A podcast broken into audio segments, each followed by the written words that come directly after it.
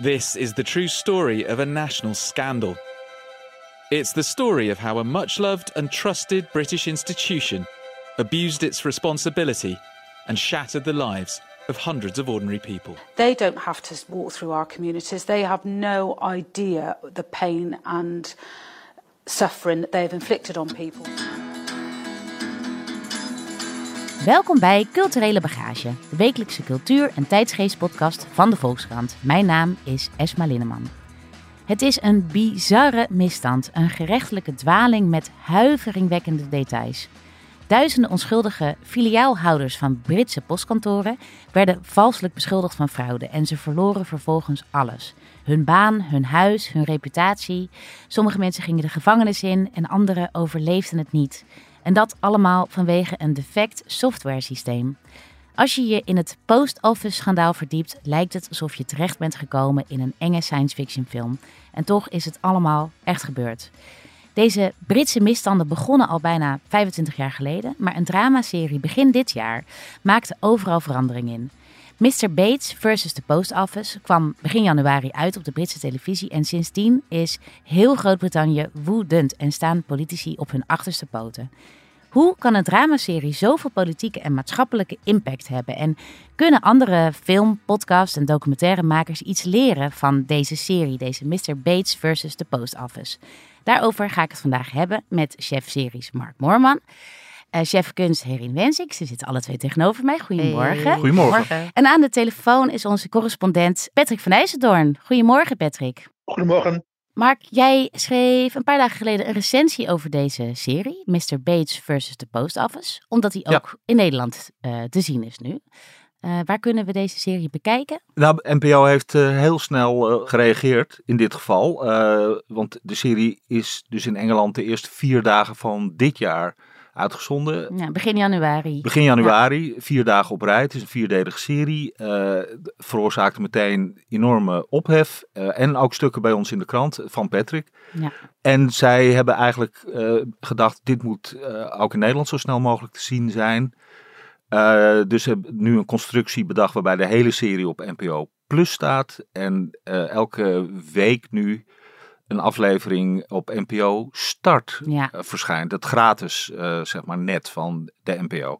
En dan wordt die later regulier uitgezonden. Maar hij is gewoon de plek is. te zien in Nederland, ondertiteld ja. en wel. Nou, jij beschreef al in jouw recensie dat je, je kunt eigenlijk niet naar die eerste aflevering kijken zonder een broek in je keel of ik was, ja, het is, nee, vrij dat, overweldigend wat je ziet. Ja, zelfs, zelfs als je niet zo, uh, die serie doet een paar dingen heel goed. Die, die eindeloos lopende en complexe affaire heel goed uitleggen. Ja. Zonder dat je het gevoel hebt dat je een soort achterstand hebt. Omdat je niet helemaal in de, in de, de gevoeligheden van de zaak bent uh, geïntroduceerd. Alles wordt heel goed uitgelegd. Uh, maar wat het vooral zo sterk maakt, is dat het, uh, terwijl er heel veel gedupeerden zijn, het gewoon op heel menselijk niveau gebracht wordt. Ze richten zich op, zeker in die eerste aflevering, met name op twee personen die een soort lijken te verdrinken in de bureaucratie en uiteindelijk ook beschuldigd worden van fraude. Ja. En dat, dat is dan, zeg maar, dat zijn de, de mensen die we volgen door deze hele affaire heen. En daar zitten zoveel typische dingen in. We, we zijn uh, geen van alle filiaalhouders van een postagentschap. Nee. Maar die worsteling van die mensen met uh, administratie, met een onwillig computersysteem, met de autoriteiten.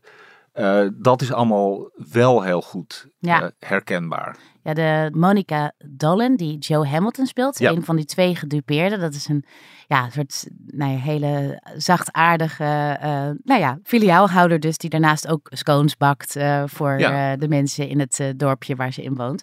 En, en eh, die actrice die beschreef het succes van deze serie van dit is, dit is iedereen's grootste nachtmerrie eigenlijk. En, en daarom heeft het zo'n impact. Ja, er, zit, er zitten scènes in, nou, daar, daar kun je gewoon niet naar kijken zonder je, je handen ongeveer voor je oog te slaan. Ja. Dat zij midden in de nacht worstelt met het in balans krijgen van haar boekhouding van die dag. Met, met als bijkomende factor dat eh, al die filiaalhouders een contract hadden met de post office. Dat ze eh, persoonlijk verantwoordelijk waren voor, eh, voor tekorten van hun eigen postkantoortje. Uh, dus dat maakt het ook allemaal heel dramatisch. En terwijl ze in dat programma zit, waar ze, waar ze maar geen greep op krijgt, ziet ze gewoon het bedrag verspringen. En opeens is, is haar schuld verdubbeld. I know it's probably me because I'm really rubbish with technology, but I've declared my cash, I've declared my stock, I've done it all three times and I still can't get it to balance. It says I've taken £2,032.67 more than I think I have. Okay, redeclare your stock holding. So that'll automatically create a discrepancy, okay? It'll have inflated your cash holding, so now I want you to reverse that difference. It's okay? This is so helpful, thank you. Don't go away, stay with me till I've done it. Oh my god. It, it, it's, it's just doubled right in front of my eyes. Now, now it says I'm 4,000 pounds down. En je gaat zo denken dat je gek bent. Dat vond ik er heel pijnlijk aan. Want er gaat dus iets mis met dat computersysteem.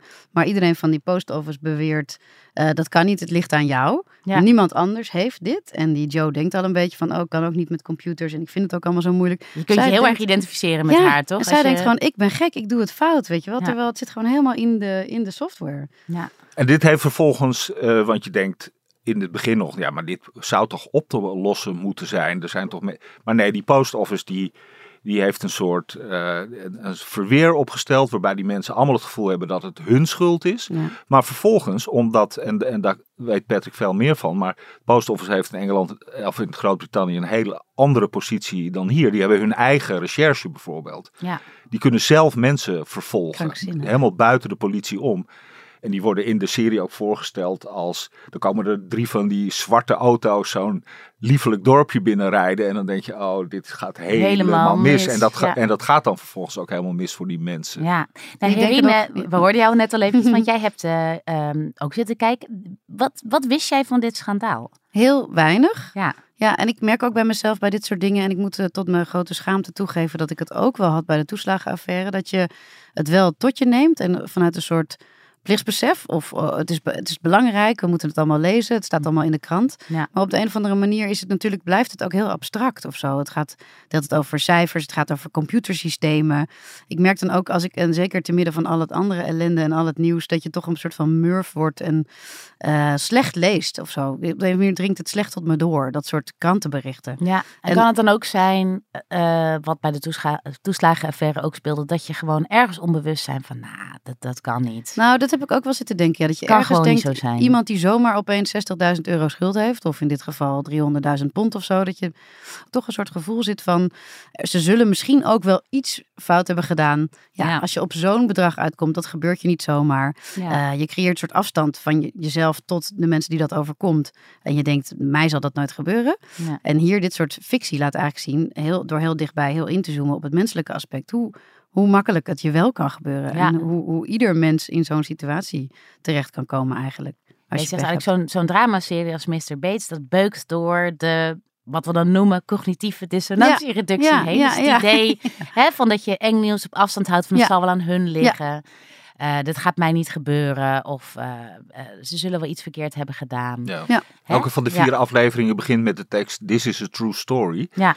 En dat is een mededeling. Dat staat ook gewoon aan het begin voordat je überhaupt gaat kijken. Dus dan, dan neem je dat aan. Maar je voelt gewoon in de loop van de serie dat die mededeling gaat steeds zwaarder wegen. Ja tegen het eind denk je, ja, dit is, dit is allemaal, dit is die mensen overkomen. Ja, en ze zitten er dus nog, nog middenin. middenin. Patrick, eh, jij bent aan de telefoon. Uh, jij hebt meerdere stukken geschreven over dit uh, schandaal. Ja. Voordat we daarin duiken en, en nou ja, de details van deze enorme misstand tot ons nemen. Ja. Hoe, hoe kwam dit nieuws nou voor het eerst tot jou? Wanneer hoorde jij er voor het eerst van? Ik had ervan gehoord 2,5 jaar geleden. Ik ben toen gegaan ook naar het onderzoek, wat nu al jaren loopt. Ik ben daar geweest, uh, een paar dagen, echt ook in, in, tranen daar gezeten op de, op de tribune. Dus wat je daar hoort is on, onvoorstelbaar. Echt, het is uh, ja, hartverscheurend. Weet je nog wanneer de tranen kwamen of wat, wat het voor jou zo aangrijpend maakte? Er was een Indiaanse man uit uh, Midlands, die was ook vast beschuldigd, raakte ook zijn postkantoor kwijt. En is ook toen door zijn familie in India verstoten. Hmm. Die dachten, oh, dat is gewoon iets misgegaan daar. Hè. Dat is gewoon, hij, is, hij is een boef. En die is zo helemaal ja, in depressie geraakt. Uh, En uiteindelijk, toen hij onschuldig was gebleken, hè, toen was zijn moeder al lang overleden. Dus is ook over, overleden in, in de wetenschap voor, voor haar dan, dat haar zoon een boef was. Ja. En dat is uh, ja, zwaar geweest. En toen ben ik uh, daarheen gegaan, een verhaal gemaakt voor de krant. En opeens, ja, dus begin het jaar kwam het opnieuw uh, naar voren vanwege die, die miniserie. En hebben we nog een verhaal gemaakt over een Indiase familie in het gebied van Oxford. En ook daar het verhaal alles kwijtgeraakt bijna. En ook, het, ook de reactie van, van bepaalde dorpelingen en ook de dorpsraad, die gewoon klakkeloos de leugens van de post office hebben gevolgd. Ja. Uh, er werd in die, in die man zijn voortuin werd een kruis neergezet met uh, de tekst uh, eh, RIP, Rest in Peace, uh, Wipin, dat is zijn naam. Ze willen hem gewoon uh, dood hebben ongeveer, die man. Ja, ja. En je moet ook, en moet ook, ook begrijpen in Engeland dat de postmaster is een belangrijk figuur in de gemeenschap. Je hebt binnen een dorp een paar mensen die het te doen. Je hebt de huisarts, je hebt de, de, de, de pastoor en je hebt de kastelein en je hebt de postmaster. Die vier zijn de pijlers van een dorp. En als een van die pijlers, zeg maar, uh, wordt beschuldigd van fraude, dat is nogal wat. Ja, dat zie je in die serie inderdaad ook zo goed. Dat die dorpsbewoners zich dan ook tegen die postmasters keren. Wat je eigenlijk vertelt, wat zo aangrijpend is. Want die mensen zijn al slachtoffer. Ja. En, die, en die andere dorpsinwoners, die voelen zich natuurlijk ook zo verraden. En hun geld is ook misschien verdwenen. En wat is daar gebeurd? Dus het is een soort van vlek op vlek op vlek of zo. Ja, het wordt zoveel meer dan een administratief geschil. Ja. Wat het uiteindelijk is in het begin. Een computerfout. Maar het gaat dan opeens over uh, reputatie en levens uh, al heel snel. Patrick, um, ik kan me voorstellen dat het nog steeds moeilijk is om te zeggen om hoeveel mensen dit nou precies gaat. Maar kun jij, een, kun jij schetsen hoe groot dit schandaal nou is? Nou, het gaat dus om uh, duizenden postmasters die zijn beticht valselijk. Er zijn er ongeveer 900 zoveel voor de rechter gekomen. Er zijn er 750 uh, veroordeeld. De, de, vier mensen hebben zelfmoord gepleegd uh, van, die, uh, van die mensen. je hebt 300 zoveel mensen in de gevangenis hebben gezeten, on, onterecht. Ja, ja het, zijn, het zijn hoge cijfers. Um, en nog steeds, nog steeds maar zijn er, zijn er kastekorten. Maar het raar is ook, er waren ook alleen maar tekorten. Er was nooit een keer een kasoverschot. Hm.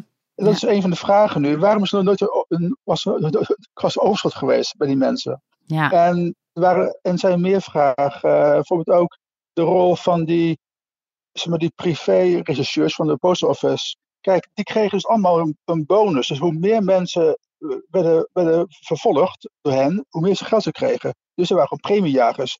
Dus ze hadden geen enkel belang om mensen voor van de twijfel te geven. Ja. Dus het was gewoon echt puur incasseren van geld. Ongelooflijk. En was het nou ook, Patrick, om, om eigenlijk de reputatie van dat superdure nieuwe computersysteem hoog te houden? Want waar, waar eigenlijk de fout uh, zat, van, En van de post ja, ja.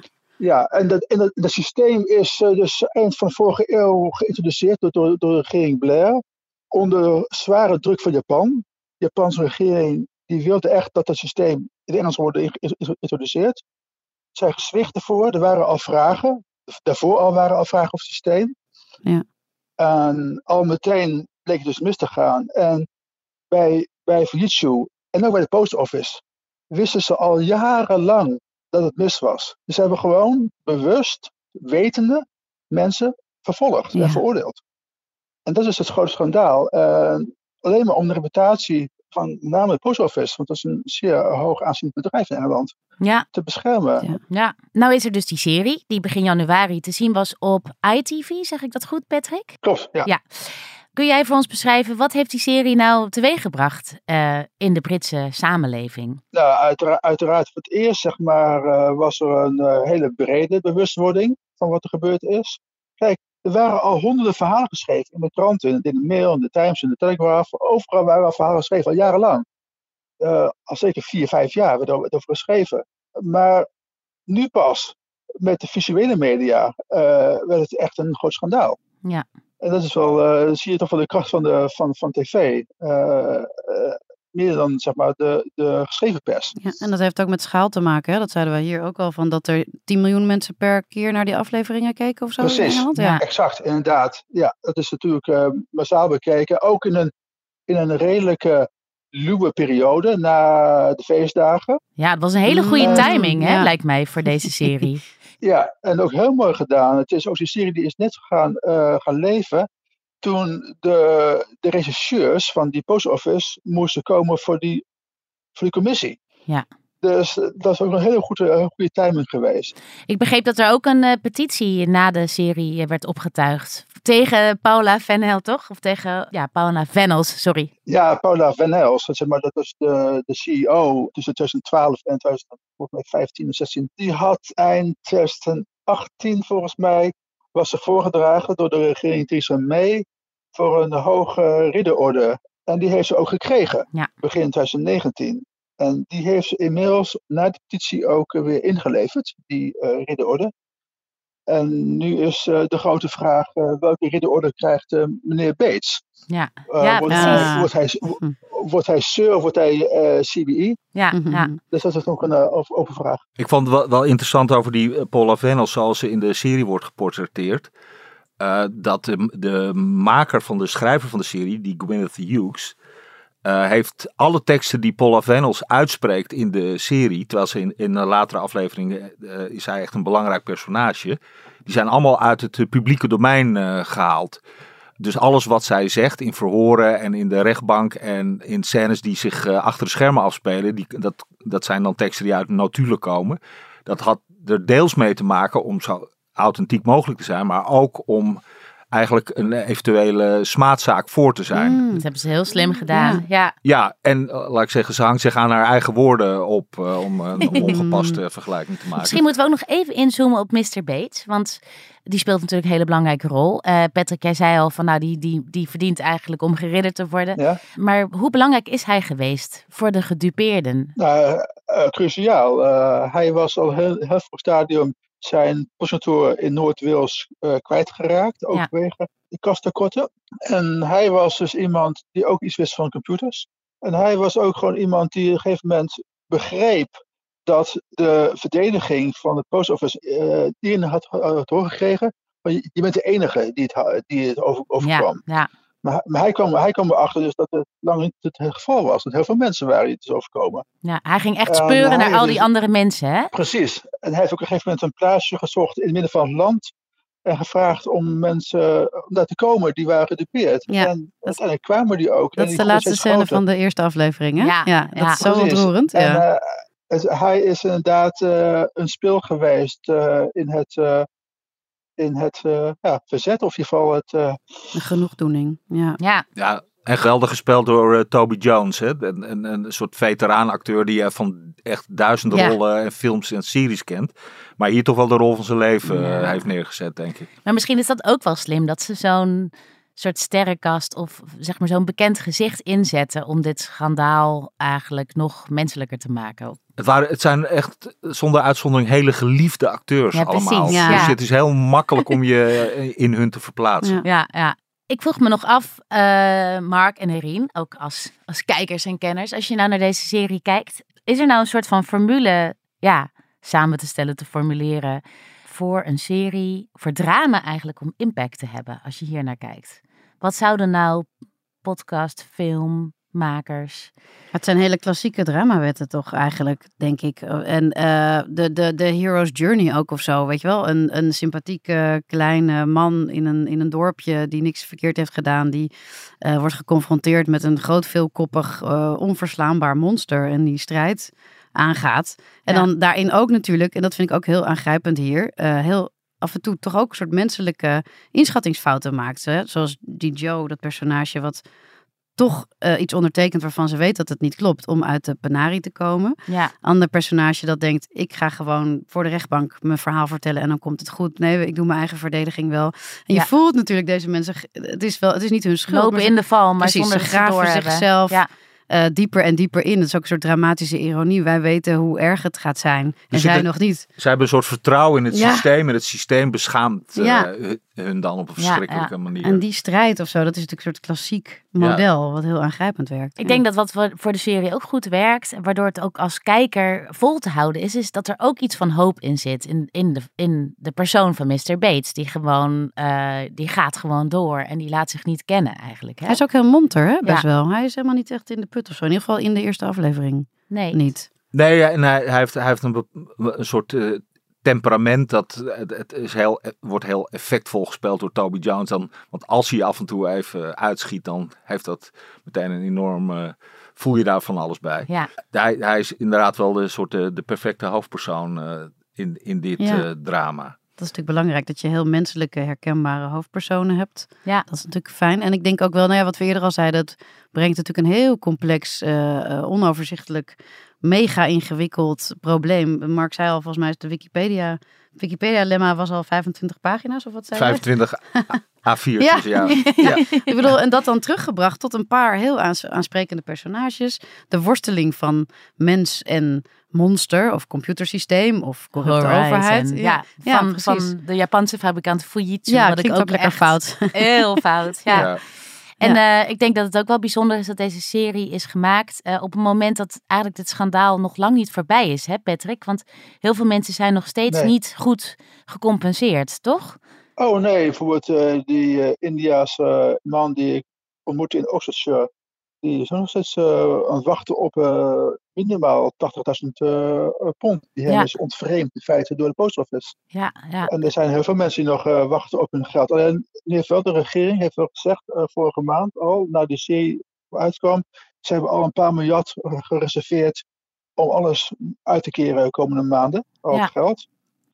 En nu is de vraag wie gaat betalen, want het, is natuurlijk, het zou moeten worden betaald, normaal gesproken door Fujitsu of door de post office of Ja, door wie, ja. wie dan ook. Maar het is, eh, dat is nog, nog een hele grote zaak hier. Wie gaat het dan betalen? Ja. Eh, al, die, al die premiejagende regisseurs, moeten die misschien hun premies teruggeven Mm, die ze hebben incasseerd en de Mhm. mensen vervolgen. En moeten die En misschien worden vervolgd, hè? Ik bedoel, er Oh, zijn ook mensen die vinden dat er mensen de gevangenis Oh, in moeten. zeker. Ja, Oh, uit, uiteraard. Ik denk in Amerika had het al gebeurd waarschijnlijk. Maar in Engeland uh, nog wat trager. Eh, kijk, die, die, die premiejagende regisseurs van de post office, die hebben zich allemaal op een soort van Nuremberg eh, defense gedaan. Van ja, ik deed dit gewoon mijn werk. ja, ik wist het Dus niet. dan, eh, eh, ik wist het niet. Ja, dat is natuurlijk onwaarschijnlijk, maar dat zegt ze inderdaad. Dus ja, dan gaat al heel snel, dan kijken we naar, naar boven, naar de, de CEO's, chairman van de post office, door de jaren heen. Het gaat dus om meerdere mensen dan.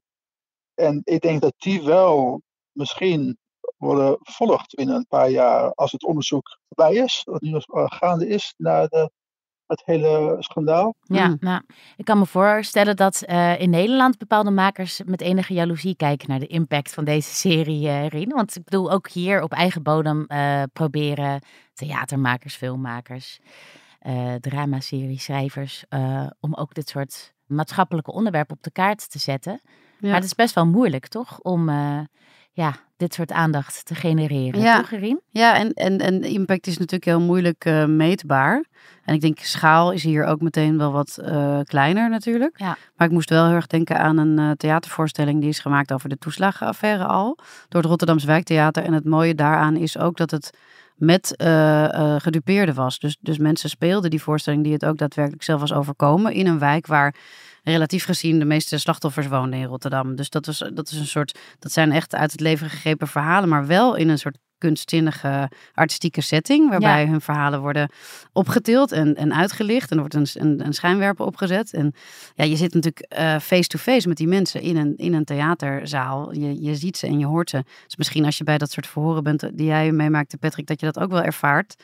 Dat je gewoon die Mhm. mensen ziet, weet je wel, die het is overkomen. Ja. Die dan nou ja, dat, dat, dat, dat is enorm aangrijpend. En deze voorstelling is zo'n succes geworden dat hij ook nu op allerlei ministeries is gespeeld. Oh, wauw. Eh, hij wordt uitgenodigd bij banken, eh, bij de Belastingdienst. Alle heel veel ambtenaren van de Belastingdienst zijn geweest. En die, en die beseften ook eigenlijk toen pas bij het kijken naar die voorstelling wat er precies gebeurd was. Weet je wel, het is ook een heel ongrijpbaar. Ja, mensen Voorbij het systeem, voorbij Precies, de formulieren. Precies, Ja. mensen verschuilen zich natuurlijk ook allemaal achter de systemen en achter de procedure en Ja. achter de bureaucratie. En hier heb je gewoon één op één menselijk contact en je ziet eigenlijk wat jouw handelingen en wat het systeem heeft aangericht bij een ander mens of zo. En dat is natuurlijk wel wat, wat drama kan doen. Ja, nou, ik moet toch ook wel aan ehm, Schuldig denken, de serie van Zeker. een aantal jaar geleden. Dat is dan weliswaar een documentaire serie, maar eigenlijk met veel drama-elementen Ja. in zich. Waarna er ook eigenlijk een heel groot maatschappelijk debat kwam over hoe kan het nou dat mensen zo vastlopen in die schuldsanering eh, en schuld op schuld zich opstapelt en eh, wat kunnen we daar aan doen? Ja. Wat, wat zag je daar gebeuren, denken jullie? Nou ja, ook daar zag je gewoon de- dat dat abstracte verhaal en eh, de verhalen achter het, gewoon het hele begrip schuldsanering opeens tot leven kwam. Omdat het als seriematig eh, eh, was opgebouwd en je eigenlijk een aantal personages in hun leven ging volgen. En Ja. je kan niet anders dan eh, als kijker je vereenzelvigen Ja. met, met die mensen. Waardoor dat probleem, het blok aan hun been, hun, hun schulden die ze maar, weet je wel, die ze steeds dieper in dat moeras trekt, ver- verliest dan zijn abstractie. En Ja. het feit dat, het, dat zo'n eigenlijk somber onderwerp, zo'n populaire serie werd, eh, dat, dat is eh, eigenlijk te vergelijken met wat hier met, eh, met die post office serie Ja, want eh, je denkt de ook van is. computersysteem, weet je wel, postkantoor, niet per se heel sexy onderwerp of zo. Maar inderdaad, als je dat goed doet, de goede persoon, hoofdpersonen kiest en, de, en Ja. het vereenvoudigt en die dramatische boog of zo goed eh, uitwerkt, dan, dan, dan moeten we wel meeleven. Ja, Ja. Nou ja dat, dat, moet, dat zou dan ook het recept moeten zijn voor mensen die nu met die toeslagenaffaire bezig zijn, eh, zeg maar als achtergrond van drama. Ja. En, en er schijnen een aantal dingen aan te komen, komend jaar al. Eh, Sprake van een film en een Ja. serie en nog meer dingen. Maar ik kan me voorstellen dat, dat ze goed te raden moeten gaan bij dingen als, of series als Schuldig, eh, wat documentair is, maar ook, ook deze Mr. Bates serie. Zeker, ja. En nou ja, Patrick, daar had jij het net ook al over. Maar ik denk dat we hier toch ook de kracht van televisie zien. Eh, en van beeld Mhm. eigenlijk ook. Hè? Ja. Ik moet ook even denken, dit, was dan hees, dit is geen drama, maar toch eh, de aflevering van Boos over The Voice, zeg maar. Mhm. Dat was zo'n gamechanger. Dat maakte zo'n verschil in het gesprek over grensoverschrijdend gedrag. Doordat we nu ja, bewegend beeld zagen. Dat is kennelijk wel nodig eh, om de maatschappij aan het praten te Ja. krijgen. Wat denken jullie? Ik moet denken, dat was hier niet zo per se het geval, maar spiegelneuronen? ik weet niet, dat Ja. je toch de emotie ziet van een ander of zo, Ja. waardoor je hem sneller voelt. Dat je er niet meer onderuit kan. nee, hè? met het geschreven woord zit er natuurlijk toch een soort schakel tussen nog of zo. Dan moet je in je hoofd nog weer omzetten. Ja. En ja, het is gewoon heel rechtstreeks. Ja, Ja, en, en bij die Boos-uitzending op YouTube speelde een belangrijke rol dat eh, John de Mol zelf daar aan het woord kwam. En, Zeker. en iedereen getuige was van de, de manier waarop hij, de, gewoon de woorden die hij gebruikte om zeg maar, de misstanden al meteen weer goed te praten, toe te dekken. En dat is wat je in deze Mr. Bates-serie ook heel duidelijk ziet. Vooral omdat die Paula Vanels, eh, zeg maar, eh, en de actrice die haar speelt, haar, steeds haar eigen woorden gebruikt. Mhm. Ja. En dan krijg je dat hele ge- eh, glibberige Ja. en arrogante van de Ja. macht wordt daar eigenlijk eh, te kijken gezet. En een Ja. heldere slechterik. Dat had Boos inderdaad natuurlijk ook. Dat je meteen Zeker. duidelijk hebt goed en fout, zwart en wit. Het is gewoon heel, Ja. heel helder. ja, ja. En Patrick, heeft Mr. Bates eigenlijk de grote held in dit verhaal? Heeft hij al heeft hij nog gereageerd op deze serie en op alles wat daar sindsdien van is gekomen? Nou, het grappige is dat eh, hij is redelijk eh, op de achtergrond eh, gebleven. Ik heb zelf misschien het gemist, maar ik heb geen eh, grote interviews gezien met hem of zo. Of geen opzienbarende tv-optredens. Nee, ik, Hij eh, komt ook over als een soort figuur dat dat helemaal niet wil. Dat daar niet naar, toch, verlangt, die roem. Hij belichaamt eigenlijk alles wat, wat Britten willen zijn, volgens mij. Ja, we kunnen er ook nog van alles Stoer, op projecteren. Onderkoeld. Ja, ja. ja. Mysterieus. Ja. ergens. Nou, dank jullie wel voor jullie komst naar de studio. Dit was Culturele Bagage. Montage wordt gedaan door Team Hageman en eindredactie door Corine van Duin, Emily van Kinschot en Julia van Alem. En wil je de Volkskrant steunen? Ga dan voor een abonnement naar www.volkskrant.nl slash podcastactie.